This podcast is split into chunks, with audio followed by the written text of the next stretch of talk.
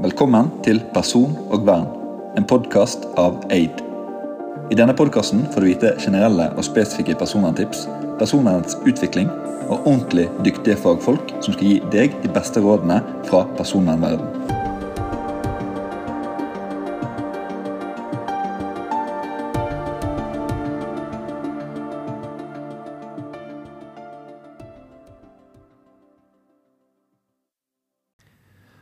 Velkommen til en eh, ny episode av eh, Person og vern. Dette er Daniel Osen, og i dag er vi så utrolig heldige å ha med oss en veldig spennende gjest.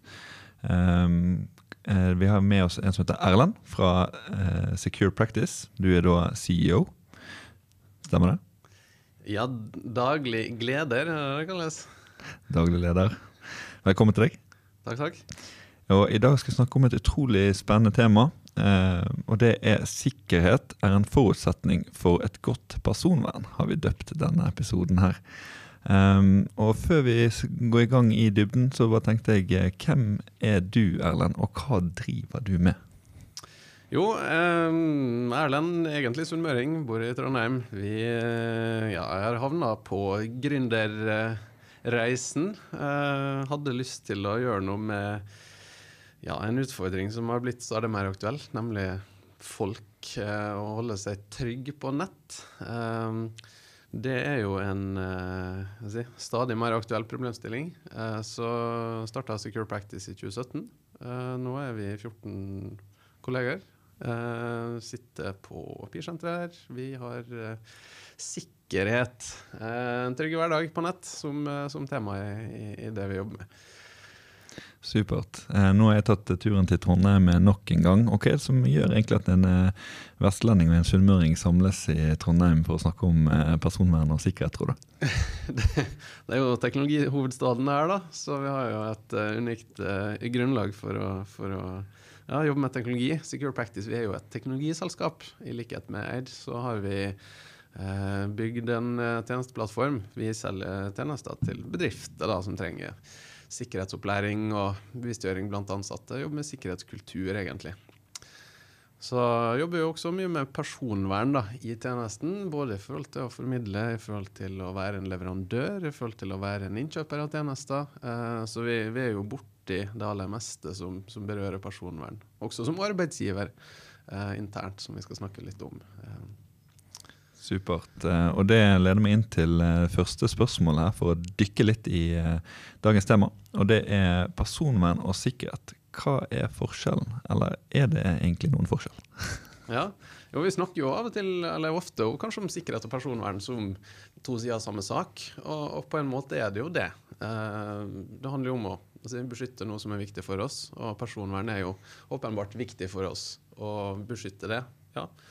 Um, så ved å begynne med det som er likt, så kan vi jo kanskje si at uh, sikkerhet og personvern har til felles det her med å ja, holde ting hemmelige hvis det skal være hemmelig. Uh, det å sørge for at informasjon er riktig uh, til enhver tid. og at vi får tak i informasjon som vi trenger, som vi er berettiga til å ha når vi trenger den. Også kjent som konfidensialitet, integritet og tilgjengelighet, da, som vi ofte snakker om i sikkerhetsfaget sikkerhet er en forutsetning for personvern. Fordi du kan ikke beskytte personopplysninger altså uten at informasjonen er trygg. Um, men samtidig så kan jo personvern også være noen ting som sikkerhet ikke er. Faktisk rake motsetninger. Hvis du begynner med åpenhet, f.eks. Som individ så har du krav på å vite hvordan informasjon behandles om deg informasjonssikkerhet kan like fullt handle om å holde mest mulig hemmelig. Um, en virksomhet som ja, sier Forsvaret da, holder på med ting som bare absolutt ingen, ingen skal vite om, kanskje, og har et tjenestelig formål og grunnlag for det. Mens personopplysninger eh, det er en annen historie. da. Så, så du kan ha informasjonssikkerhetsbehov som ja, rake motsetninger til, eh, til personvern. Eh, sammen med at du må ha et formål for behandling. Det trenger ikke du å ha informasjonssikkerhet. Det kan eh, rett og slett altså i, i, mange virksomheter så bruker du ulike tjenester og løsninger for å, å sikre virksomheten, altså cybersikkerhetsverktøy. da. Eh, og Der handler jo ofte veldig mye om å samle mest mulig data, og så bruke en eller annen intelligens eller eh, ja, maskinlæring eller verktøy eller portaler til å bruke informasjon til å beskytte eh, virksomheten.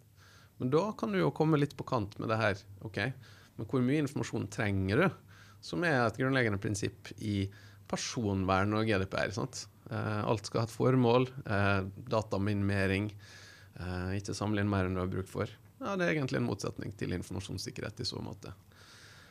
Ja, for Det minner meg om eh, altså Nå har jeg studiepermisjon fra, fra Forsvaret. Vært der i eh, syv år, blir det vel. Um, og da, da, tenker jeg mye på det du sier. At uh, Det kjenner jeg meg veldig igjen i. Uh, for det første det som heter 'nice to know' versus uh, 'need to know'. Det er på en måte det første jeg tenkte på. At Noen informasjon trenger du for å på en måte kunne fungere, sånn i hvert fall i Forsvaret. Mens andre informasjonsbehov det trenger du egentlig ikke. Det er sånn 'nice to know'. sånn at det, det, er informasjon som skal være hemmelig og skal være forbeholdt noen enkelte personer med visse tilganger. da. Eh, og det andre du nevnte, det med sikkerhetsgraderinger. Eh, sånn det blir jo på en måte på den sikkerhetssiden. At man har det med begrenset hemmelig, strengt hemmelig, eh, og de Nato-klassifiseringene, Nato top secret og sånne ting. Ehm, men når det gjelder sikkerhet, dere i Secure Practice, hva er det dere jobber med sånn spesifikt der ute fra eksterne kunder? eller ja, Hvordan er det dere jobber med sikkerhet? Ja, Vi jobber jo som sagt med virksomheter da, og, og hjelper virksomheter til å bygge en sikkerhetskultur. egentlig. Um, vi tror at alle kan være en positiv bidragsyter til virksomhetens sikkerhetsarbeid. Og vi tror også at alle er en forutsetning. Alle ansatte er en forutsetning for at du kan ivareta informasjonssikkerheten som virksomhet. Vi kan ikke bare stole på teknologi. Um, et eksempel på det kan jo f.eks. være at ansatte låser PC-en sin når de går fra han, um, slik at ikke uvedkommende kan komme seg inn på system og informasjon, dokument, som, som den ansatte har tilgang på. Eh, et veldig enkelt eksempel. men Jeg var for på en flyplass her i Wien før jul, og, og der satt det da en, eh, en person og, og, ja, Han bladde i en legejournal.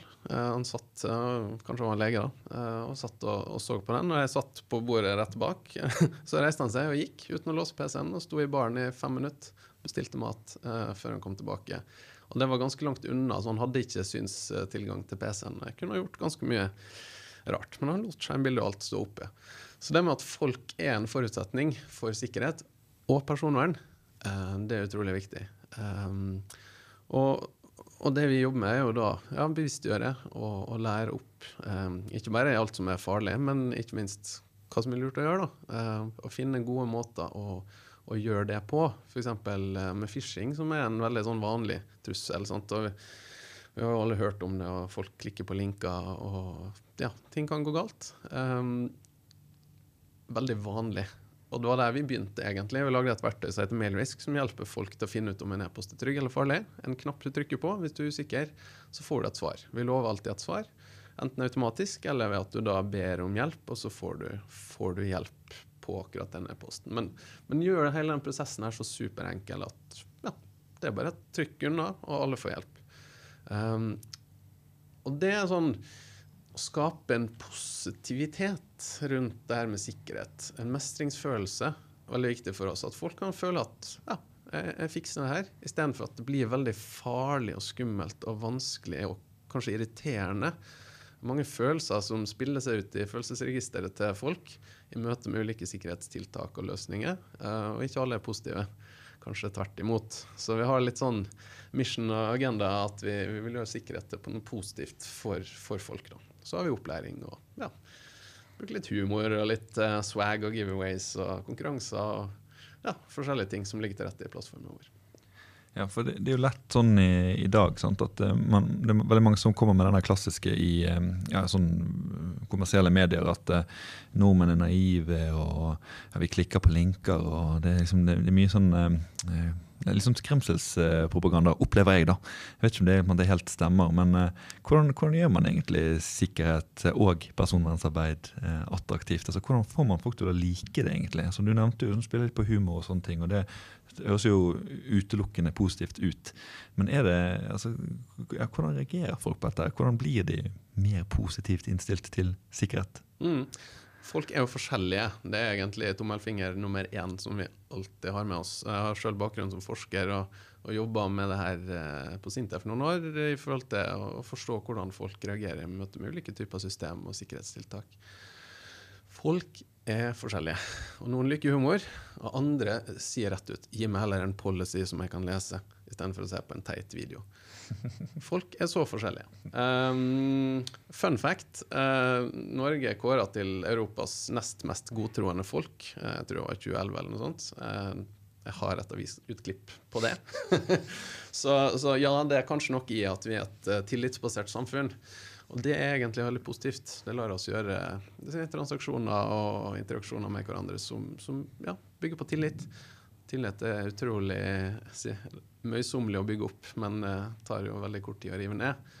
Um, vi har kanskje tiltro til digitale tjenestene vi bruker, men hvis vi ser de eksempler på misbruk av ja, våre personopplysninger, så vil vi jo da kunne fort miste den tilliten. Så det å være sikker både som individ, føle seg trygg på det, altså føle den, den personlige motivasjonen for å holde seg trygg på nett, den appellerer jo til oss alle etter hvert. Vi har alle hørt om ulike ja, ting som har gått galt i media eller fra kollegaer. Eh, folk vi kjenner, slektninger osv. Det er alltid noen som vet av noen som har eh, blitt lurt en gang. Og så har vi eh, den motivasjonen til å rett og slett beskytte ja, arbeidsplassen vår. da. Eh, vi ser etter hvert hvor store konsekvenser det kan få å bli breacha, eh, hacka. Um, noen føler et veldig personlig ansvar. Jeg hørte om en bedrift der de ble hacka for noen år siden. Det var en økonomiarbeider som, som betalte ut flere hundre tusen kroner til en svindler og følte så stor skyld i det her da, at hun tilbød seg og ønska liksom å betale personlig for å dekke tapet. Um, og det påvirker livet vårt. Og det tror jeg igjen, altså det er noen fellesnevner da, med sikkerhet og personvern. Um, det behovet for å være trygg på nett, altså det, er, det, er, det, er, noe som påvirker livet vårt. I veldig stor grad hvis vi feiler i det. Uh, på samme måte som personvern er en viktig forutsetning for et godt liv. Da. Hvis vi mm. føler at personopplysningene våre ikke er trygge, at de kommer på avveie. Så er det en sånn uh, finsk uh, sånn, klinikkjede for psykiatri, tror jeg, som ble hacka av privat kjede. Og det var 30 000 pasienter som fikk journalene sine stjålne. Og så begynner hackerne å gå etter individer for å presse det ut. Mm. For å unngå at det blir publisert på nettet. Sant? Mm. Så kyniske er hackerne. Fryktelig skummelt å høre sånne historier. Eh, vi håper det aldri skal skje. Men eh, ja. Mm. Det påvirker livet til folk. Ja, for der har jo man den direkte linken med, med sikkerhet og personvern. At uh, sikkerhetsbreachen, kan du si, eller innbruddet, uh, og så går man etter selve personopplysningene. Sant? Navn, hvor de bor, telefonnummer osv. Og det du nevnte tidligere, det fikk meg til å skrive ned noe på et uh, ark her. Og det med tillit. For det minner meg om en episode med han Harald Eia. 'Sånn er Norge' heter programmet. da der han nevner om det at tillit er utrolig viktig for eh, effektivitet. At det er bra at eh, vi har det. Eh, og at det er lett å, altså det er veldig lett å peke da, og si den der klassiske at vi er naive og, sånne ting. Men det er jo sånn som du sier at det er jo òg en sannhet i det. At ja, kanskje i hvert fall i den digitale, digitale sfæren at vi er litt for, litt for godtroende, kanskje. Men det minner meg òg på en annen ting som du har nevnt. Og du er jo en eh, etablert foredragsholder og har eh, snakket med blant annet, eller for eh, Gjensidige og flere andre. Det her med sandkassen, at det er sånn, ja, eller trygghetskultur eller sandkassen, det med å tørre å, å eksperimentere med teknologi opp mot personvern, f.eks. Er det noe du har å fortelle om der? Altså Enten trygghetskultur eller sandkassen, eller, eller begge deler? ja, to temaer for så vidt. Jeg kan jeg kan jo begynne med, med Sandkassen. da. Eh, som, som, teknologibedrift da, eh, så har vi Secure Practice utvikla en, en, teknologiplattform. Og vi har sett et potensial i å gjøre opplæring mye mer målretta enn dagens tilnærming er, der virksomheter ja, kjøper et kurs eller et eller annet, og så slenger det ut til alle ansatte. og så må på en måte alle sammen gjennom det, selv om noen da har vært gjennom på en måte eh, hvordan lage et godt passord fire år på rad. Så du har på en måte runda basics, og så har du kommet litt videre. Mens andre er jo nyansatte og ferske i arbeidslivet, og alt det der, så du er jo nødt til å, å favne om deg òg. Så, så vårt har vært å, å, treffe folk bedre i forhold til hvor de er i forhold til deres kunnskapsnivå, men også i forhold til der interesse. For jeg ser at hvis du er uinteressert, det kan ha mange grunner til at folk ikke bryr seg så masse faktisk om, om den opplæringa som tilbys. Det er jo basically fordi de aller fleste jobber jo med sikkerhet. Jobber jo med helt andre ting. Um, og det vi ser er at skal, du, skal, du, få oppmerksomheten til folk, så må det jo være relevant. Føles relevant. Um, og hvis du ikke har klart å skape den relevansen for folk, så føles det faktisk negativt å bli mast på om å liksom, skulle, liksom gjøre enda en ting som ikke er liksom egentlig jobben din. Så vi har ønska å lage et profileringsverktøy for eh, det vi kaller menneskelig cyberrisiko. At vi kan si noe om hvordan det står til blant ansatte med tanke på ja, interesse og kunnskap, um, slik at vi kan skreddersy og automatisere opplæring ut fra den enkelte ansatte sin forutsetninger. Og eh, da søkte vi til Datatilsynet 2020 for å være med i den helt uh, nyoppstarta uh, sandkassen, regulatorisk sandkasse for ansvarlig kunstig intelligens, som den heter på langt. Um, og sandkasse ja, det høres litt diffust og kanskje litt useriøst ut. Uh, det er ingen leik. Vi sa at vi har lyst til å gjøre noe sånn som profilering av ansatte på en arbeidsplass.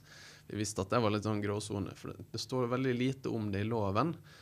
Eh, I GDPR så er det snakk om automatiske beslutninger, f.eks. om du skal gi folk en jobb eller ikke, basert på kunstig intelligens eh, og, sånn. Men, men, men, det å kunne gi folk litt mer målretta, bedre opplæring, eh, litt sånn gråsone. Så Sandkassa ga oss mulighet til å ha ja, mange workshops, samarbeid med Datatilsynet innenfor mange juridiske spørsmål. Få grundig utreda veldig mye personvernspørsmål. Og når jeg snakker om det her, så er ikke det fordi det er bare for oss at det her ble gjort. Eh, Sandkassa er en læringsarena der også Datatilsynet skal lære på ekte case om anvendelse av teknologi og lovverk. Um, så liksom, en av de viktige greiene med, med liksom, resultat altså Det ligger en slags sluttrapport ute på nettsiden til Datatilsynet, og også masse ressurser, en podkast og, og, mye sånt som du kan få med deg. Um, og poenget er at det med informasjonssikkerhet på arbeidsplassen eh, Litt som jeg snakka om innledningsvis, det kan egentlig handle om å få mest mulig data. Og så har vi såkalt berettiget interesse for det sant, som virksomhet. Du skal beskytte virksomheten. Og så er jo spørsmålet med det her nødvendighetsprinsippet. Altså, hvor mye er strengt tatt nødvendig? For du kan jo egentlig si ja, ja, vi trenger all informasjon i verden for å beskytte virksomheten vår. Men du trenger ikke det. Du har ikke det berettiga grunnlaget da, for, for, alt det. Og Det har også vært et av temaene vi har diskutert. Eh, så har vi hatt workshops med ja, arbeidstakere, med arbeidstakerorganisasjoner, med likestillings- og diskrimineringsombud, og gjort mye arbeid på liksom, personvern, innebygd personvern på data, eh, sånn DPI-er, personvernkonsekvensvurdering. Um, for altså personvern er så mye mer enn shrams og cookies, for å si det litt uh, sånn, altså. Uh, det å kjenne brukerne, um, altså ha fokusgruppe. Det å, å, gjøre et arbeid for å forstå hvordan vil du som arbeidstaker respondere um, på ja, all den informasjonen som samles innom deg, på arbeidsplassen f.eks. Um, ja, hvordan kan du gjøre det til en god opplevelse? For hvis vi opplever det som et si, overvåkingsverktøy, så ville det vært eh, veldig dumt når vårt mål er å være en positiv eh, faktor i, i sikkerhetsarbeid. Det med, det med, sandkassen det har jeg hørt utrolig mye om. Har jo eh, selvfølgelig rundet alle episodene til eh, Datatilsynets eh, personvernpod, som den personvernrådgiveren jeg er. Og på et studie som jeg tok, et halvtårsstudium på Høgskolen Innlandet om personvern, så nevnte de òg dette med alt ifra at sandkassen skulle være en læringsarena. Det er liksom viktig. At vi skal utvikle personvernet i tråd med teknologien, akkurat sånn som du, sånn som du nevner.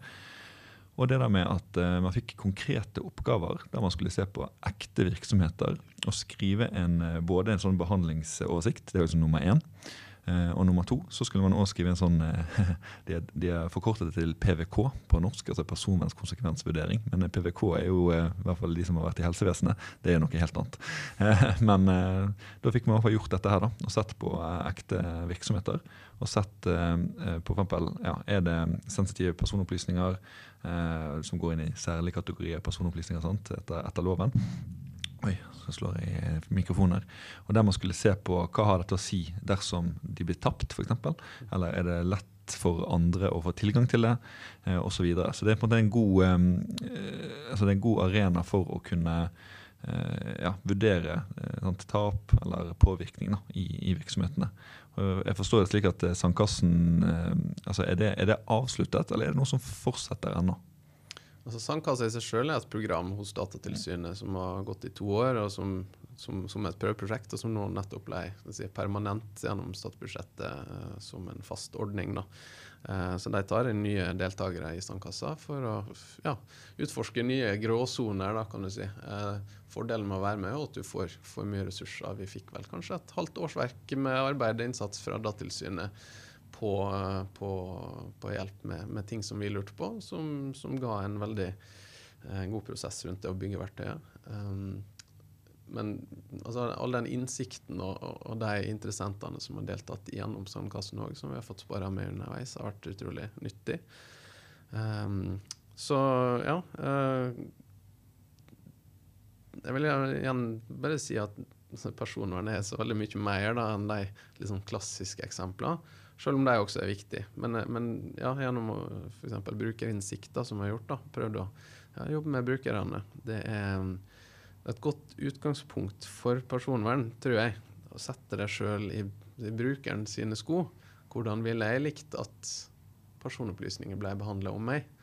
Eh, det tror jeg vi alle kan ha en anledning til å gjøre. da. Og det er ingenting som åpner øynene mer enn å faktisk ja, snakke med noen folk om det. Sette deg akkurat i situasjonen der behandlinga skjer, og så ja, hvordan ville du følt om det her? Sant? Så vi fikk jo opp noen gode eksempel. F.eks. at ja, transparens, åpenhet er jo viktig. Sant? Så hadde vi en innsynsløsning da, der ansatte kunne se på sin egen profil og liksom få oversikt over data som ble behandla. Men så, så var det en deltaker i en uh, workshop som sa ja, men uh, på min arbeidsplass så ville sjefen min tvinge meg til å vise fram skjermen min til han, slik at han skulle få se hvordan profilen min var.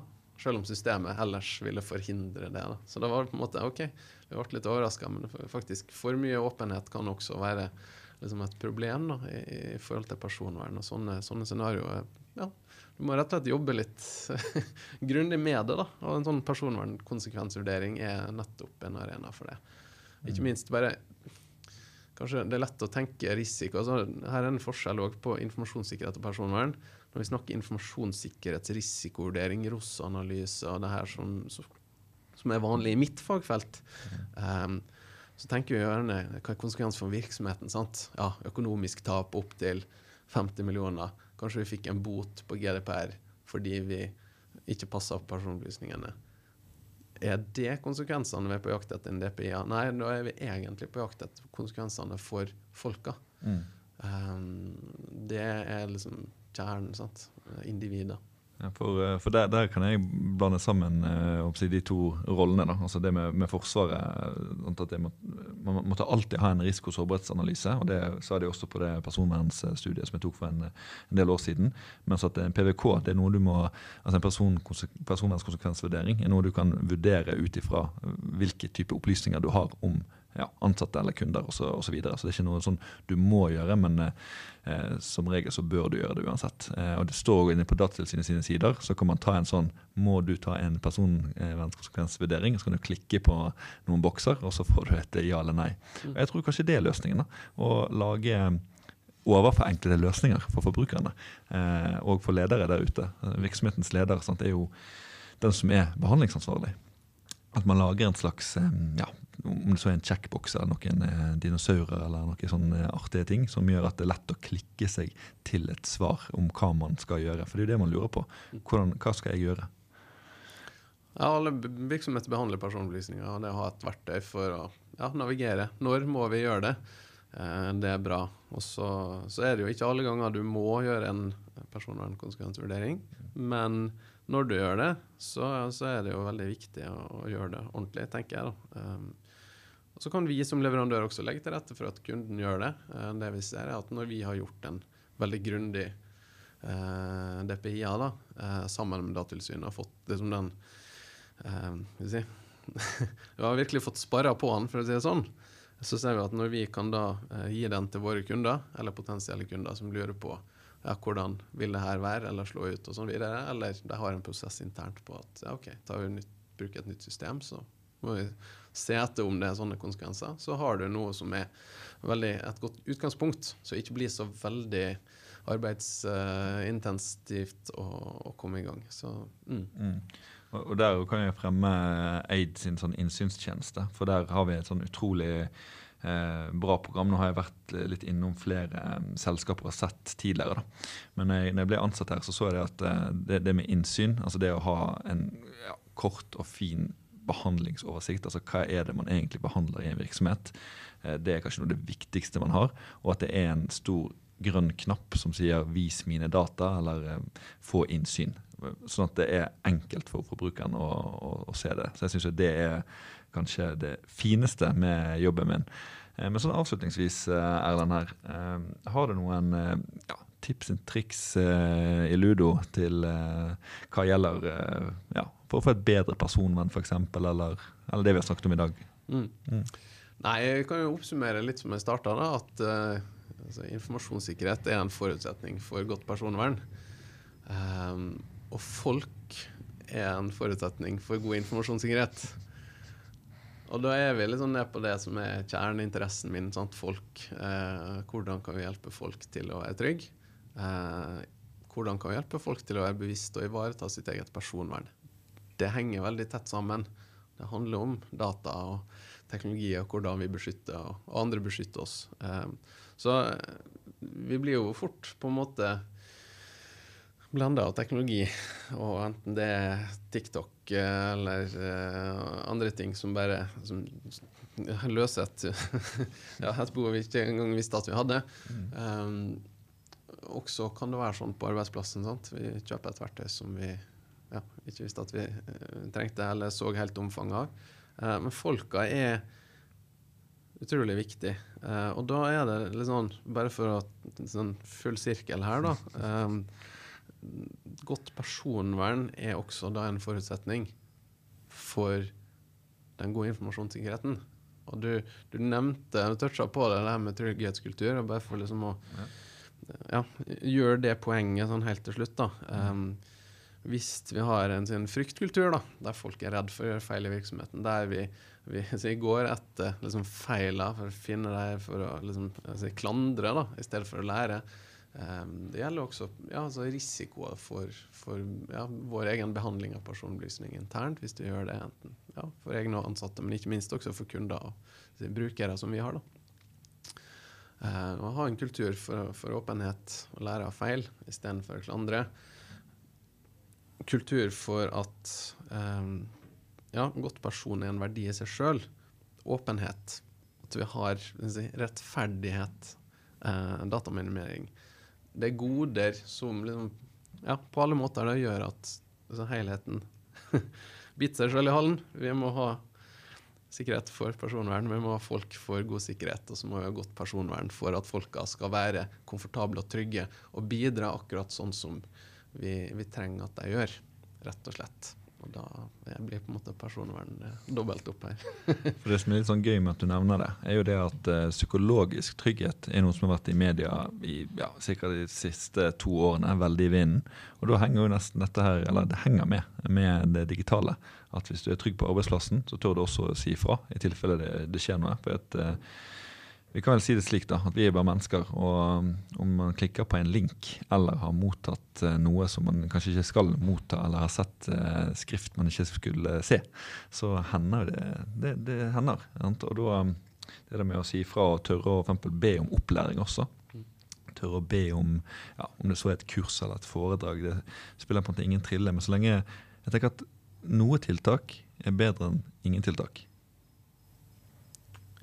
Det er akkurat det. Vi, må, vi, vi klarer aldri perfekt, men vi, vi kan eh, jobbe imot det. Og så, så, er det jo folka som, som, bidrar på veien. Så ja.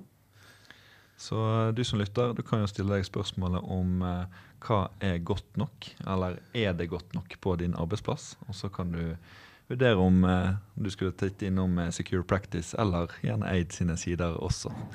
Tusen takk for at du lyttet, og takk for at du kom, eh, Erlend. Takk for meg.